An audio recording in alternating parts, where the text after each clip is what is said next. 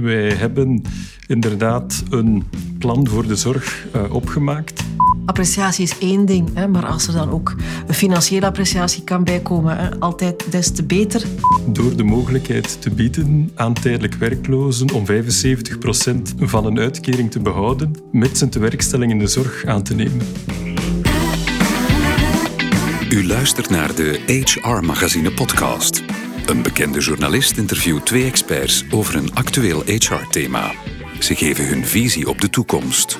Uw gastvrouw is Lisbeth Inbo. Welkom uh, iedereen terug bij de podcast van HR Magazine. Twee fijne mensen hier bij mij in de studio. Andreas Vroegstraten van Federgon, de Federatie van HR Dienstverleners, Legal Director, ben jij daar. En lid van die federatie is Express Medical, een uitzendbureau actief in de zorg, maakt deel uit van de grotere Uniek groep. Leen Verwimp, unit manager daar, welkom. Was 2020 een druk jaar? Zeker. Zeker. Wij zijn gespecialiseerd of wij werken enkel in de zorgsector. En door de covid-crisis is uh, uiteraard zijn wij extra bevraagd geweest uh, om uh, die sector te ondersteunen. Ja. En jullie ook veel vragen gekregen? Absoluut, absoluut. Het heeft natuurlijk wel heel hard het zorgberoep in de picture uh, gezet. Dat was het applaus voor de zorg ook. Uh, politiek heeft het ook helemaal terug begrepen. Was dat hoog nodig, Leen? Zeker. Um, de inspanningen die, uh, die vorig jaar geleverd zijn um, door uh, het verzorgend personeel, maar zeker ook de ondersteunende diensten, kortom iedereen in de zorgsector werkzaam was, heeft een enorme inspanning gedaan. Um, ze zijn niet voor niets zorghelden genoemd, benoemd.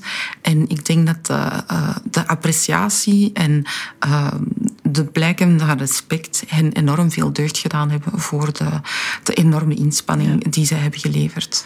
Appreciatie is één ding, hè, maar als er dan ook een financiële appreciatie kan bijkomen, hè, altijd des te beter.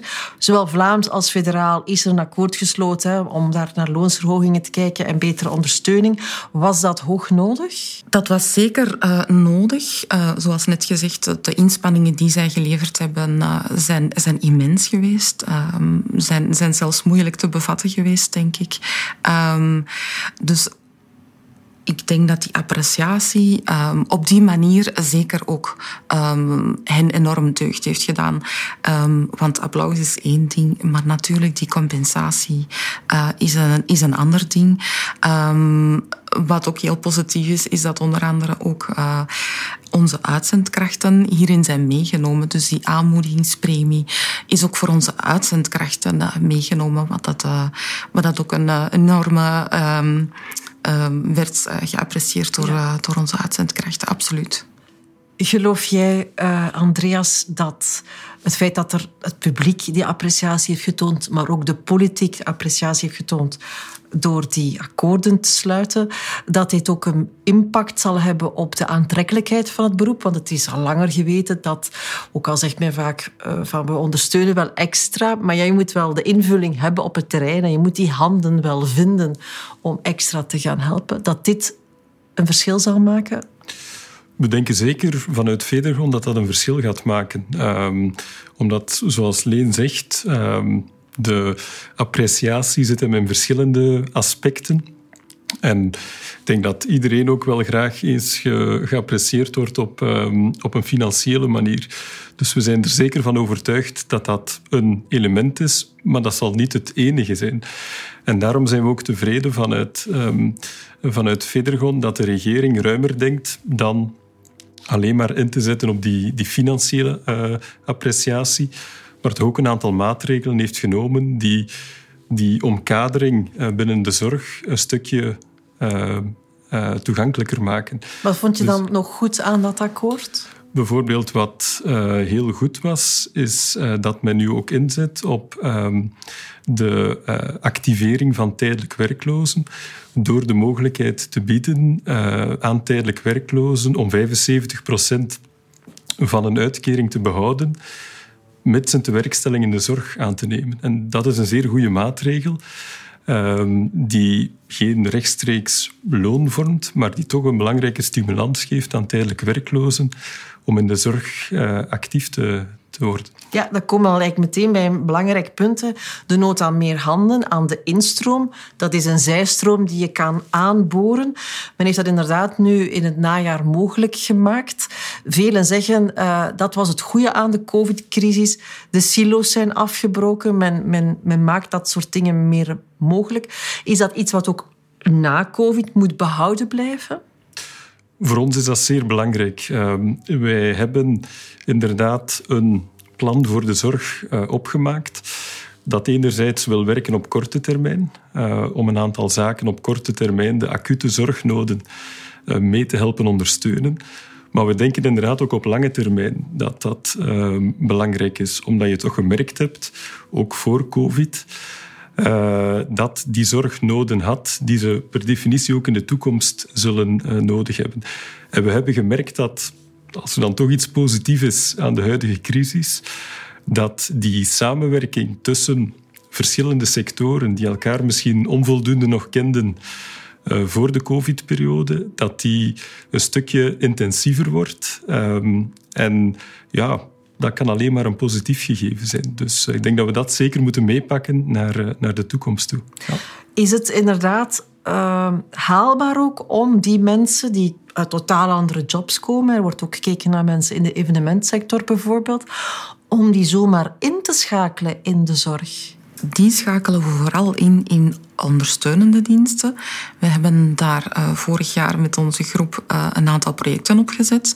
Uh, zo hebben wij bijvoorbeeld voor een ziekenhuis een wasstraat mee helpen inrichten, waarbij dus mensen uit totaal andere sectoren um, werden ingeschakeld in het schoonmaken, in het disinfecteren van de gebruikte schorten van de COVID-afdelingen.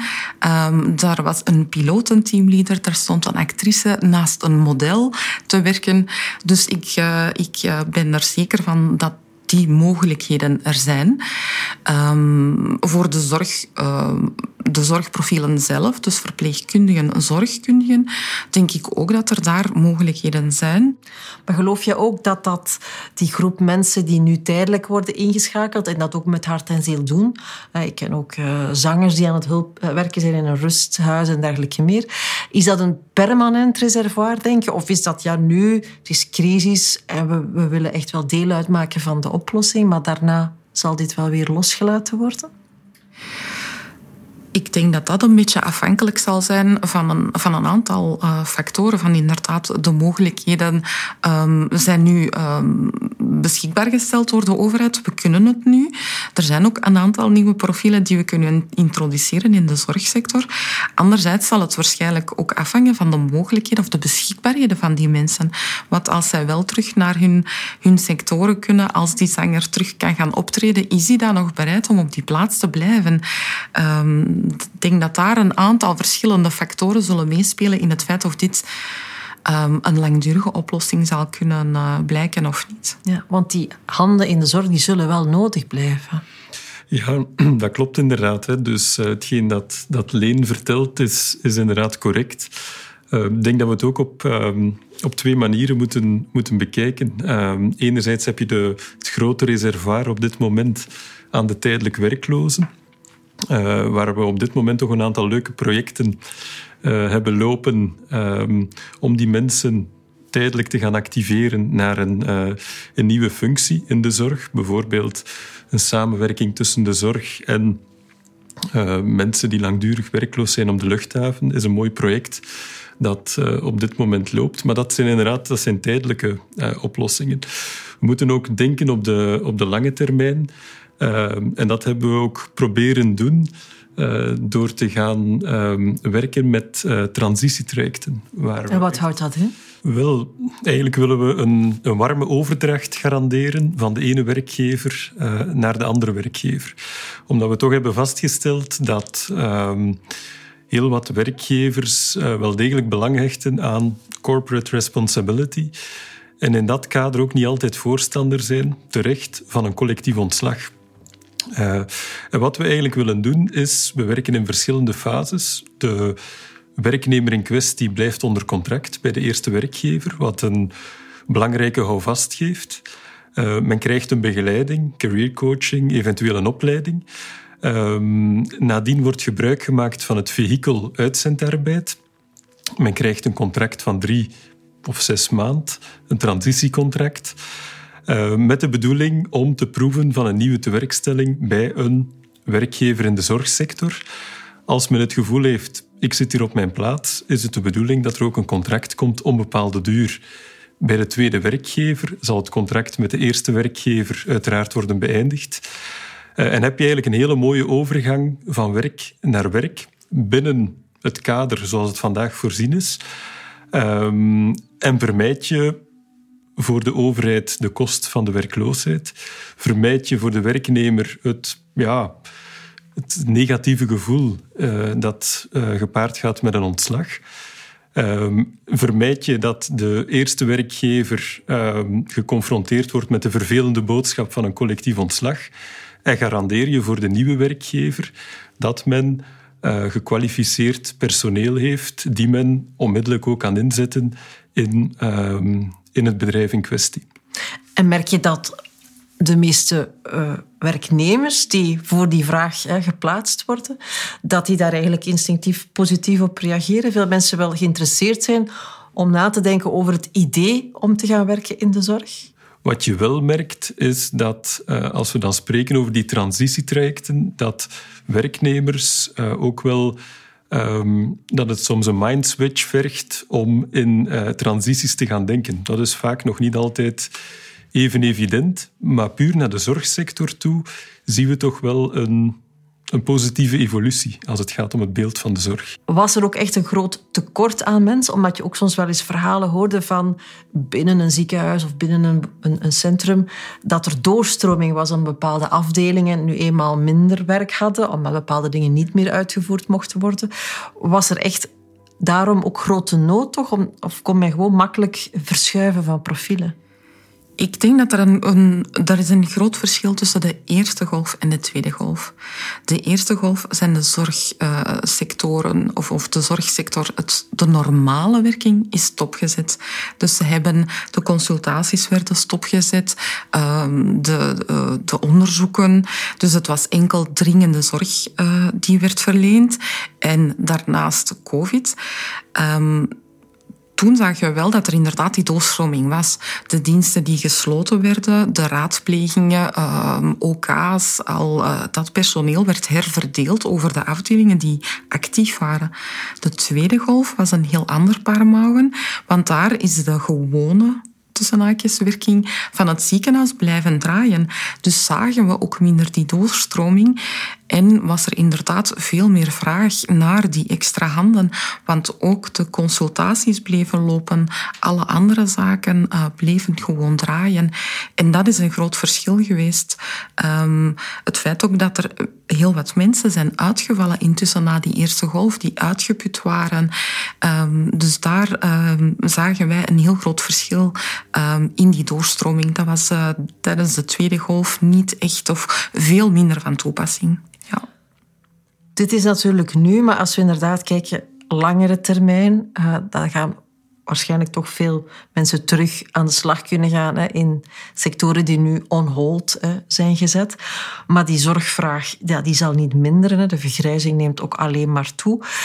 Um, Andreas, is het buitenland dan ook een stroom, een instroom waar jullie naar kijken als een mogelijkheid om uh, ons te helpen?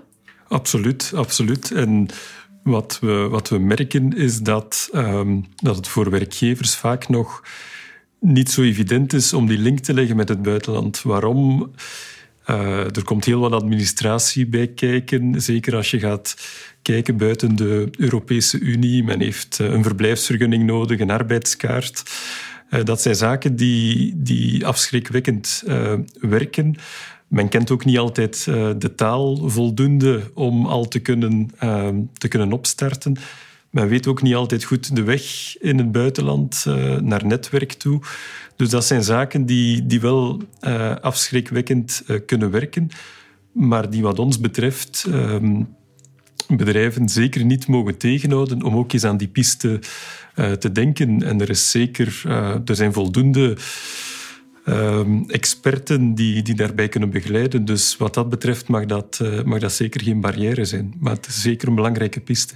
Ja. stel nu, we krijgen die, die instroom goed. We lezen ook wel de berichten dat er meer jonge mensen terug gemotiveerd zijn om het zorgberoep aan te gaan. De opleidingen toch hebben opgestart in september buitenland is een optie. Er zijn de transitieprojecten.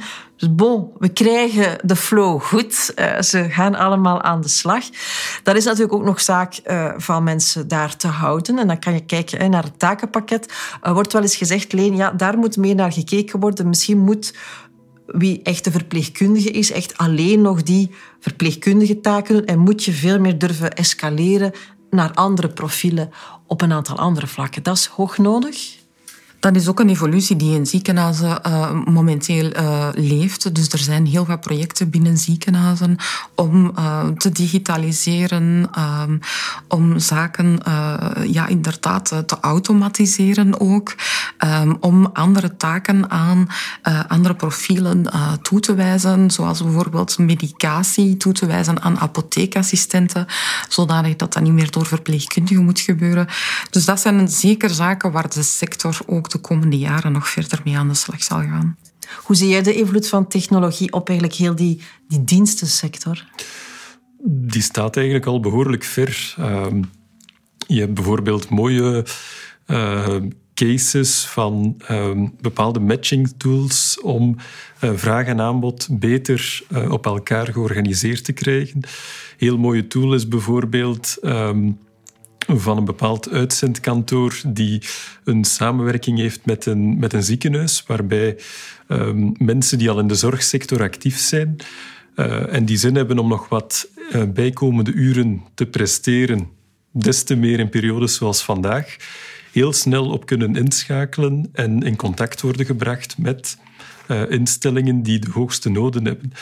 En dat zijn zo van die voorbeelden die je vandaag al heel veel ziet.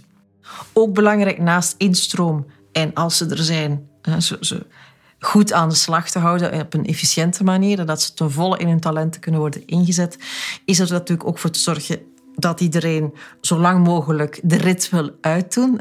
Hoe groot is het uitstroomprobleem in de zorgsector? Ik durf daar geen specifiek cijfer op plakken, maar we merken wel dat dat een, een groot aandachtspunt is. Maar we denken dat het niet onoplosbaar is. Uh, we denken dat er een aantal mogelijkheden zijn om die uitstroom uh, voor een stukje tegen te houden door een aantal preventieve maatregelen te nemen. Je zou kunnen denken aan um, well-being. Het is een zeer uh, soms een beetje. Uh, ja, ik ging, ging, bijna wollig zeggen. Ja. Um, maar dat is het zeker niet, omdat um, we zien eigenlijk de, de werknemer als de eerste ambassadeur voor het, uh, ja, voor het bedrijf of voor de sector in kwestie. Je gaat, als je gelukkige werknemer bent, ga je in contacten met vrienden en met familie, ga je ook een mooie boodschap brengen rond de organisatie waarin je actief bent. Dus je moet daarop inzetten. En dat heeft niet noodzakelijk altijd te maken met het, het, het wollige gegeven waar het vaak mee geassocieerd wordt. Maar dat kan gaan om bepaalde preventieve maatregelen om te vermijden dat mensen in burn-out geraken of uh, niet langer gemotiveerd zijn. Uh, dus well-being is een aspect dat zeker van belang is, maar ook career coaching.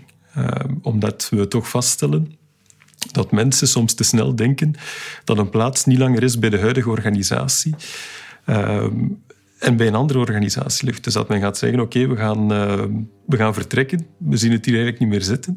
Wat blijkt als je dan eens spreekt met iemand extern, uh, dat vaak die oplossing niet noodzakelijk uh, ligt in het vertrek, maar dat er andere redenen aan de grondslag kunnen liggen. Eh, en dat werkt vaak heel verhelderend. En dat zorgt er natuurlijk voor dat je uh, langer personeel in dienst kan houden. Het is niet de enige oplossing, maar het is wel een belangrijk gegeven. Ja. ja. Waarom denk je inderdaad dat er zo'n uitstroom is, Leen? Dat heeft een aantal verschillende um, redenen. De waardering uh, enerzijds, maar anderzijds inderdaad is het ook een zware sector. Het is fysiek zwaar werk, het is uh, mentaal belastend. Dus er zijn heel wat factoren en um, ik durf daar ook geen cijfers op plakken, maar er zijn heel veel verschillende redenen waarom, waarom mensen toch die sector verlaten, ook al is dat iets waar hun ganse hart ligt. Je zei daarnet ook, um, eerste golf was, als we kijken naar uh, arbeidsinvulling, de krachten vinden minder zwaar dan de tweede golf, omdat je, uh, mensen had inderdaad ook al uitgevallen zijn. En de tweede golf heeft ook ja, gevraagd aan iedereen om toch zoveel mogelijk alle andere jobs en dergelijke meer te blijven voldoen. Er wordt wel eens gezegd, uh, misschien komt er wel nog een derde golf op ons af. Dat zal de uitdaging alleen nog maar zwaarder maken. Ik vrees van wel. Ik denk dat uh, inderdaad, zoals in de media steeds wordt aangehaald door alle uh, specialisten in de gezondheidssector, de druk is zeer hoog. Um, we, zowel bij het ganse zorgpersoneel. Het is ook een sector die al jaren, uh, verpleegkundigen zijn al jaren een knelpuntberoep. Um, dus ja, om dan nog eens een derde keer um, die richting uit te gaan, denk ik dat voor heel veel mensen misschien uh, ja, toch een, een, net die, die stap te veel van hen uh, zal vragen. Dus uh, ik vrees dat inderdaad daar de experts het, het roerig over eens zijn dat dat iets is wat we heel moeilijk zullen kunnen verteren. Maar ik vrees dat het zorgpersoneel zoals steeds er wel zal staan. Gelukkig inderdaad, laten we hopen dat het knelpuntberoep terug een beroep mag zijn dat in ere is hersteld en gekoesterd mag worden. Mag ik jullie allebei hartelijk danken. Dank je wel. Dank je wel.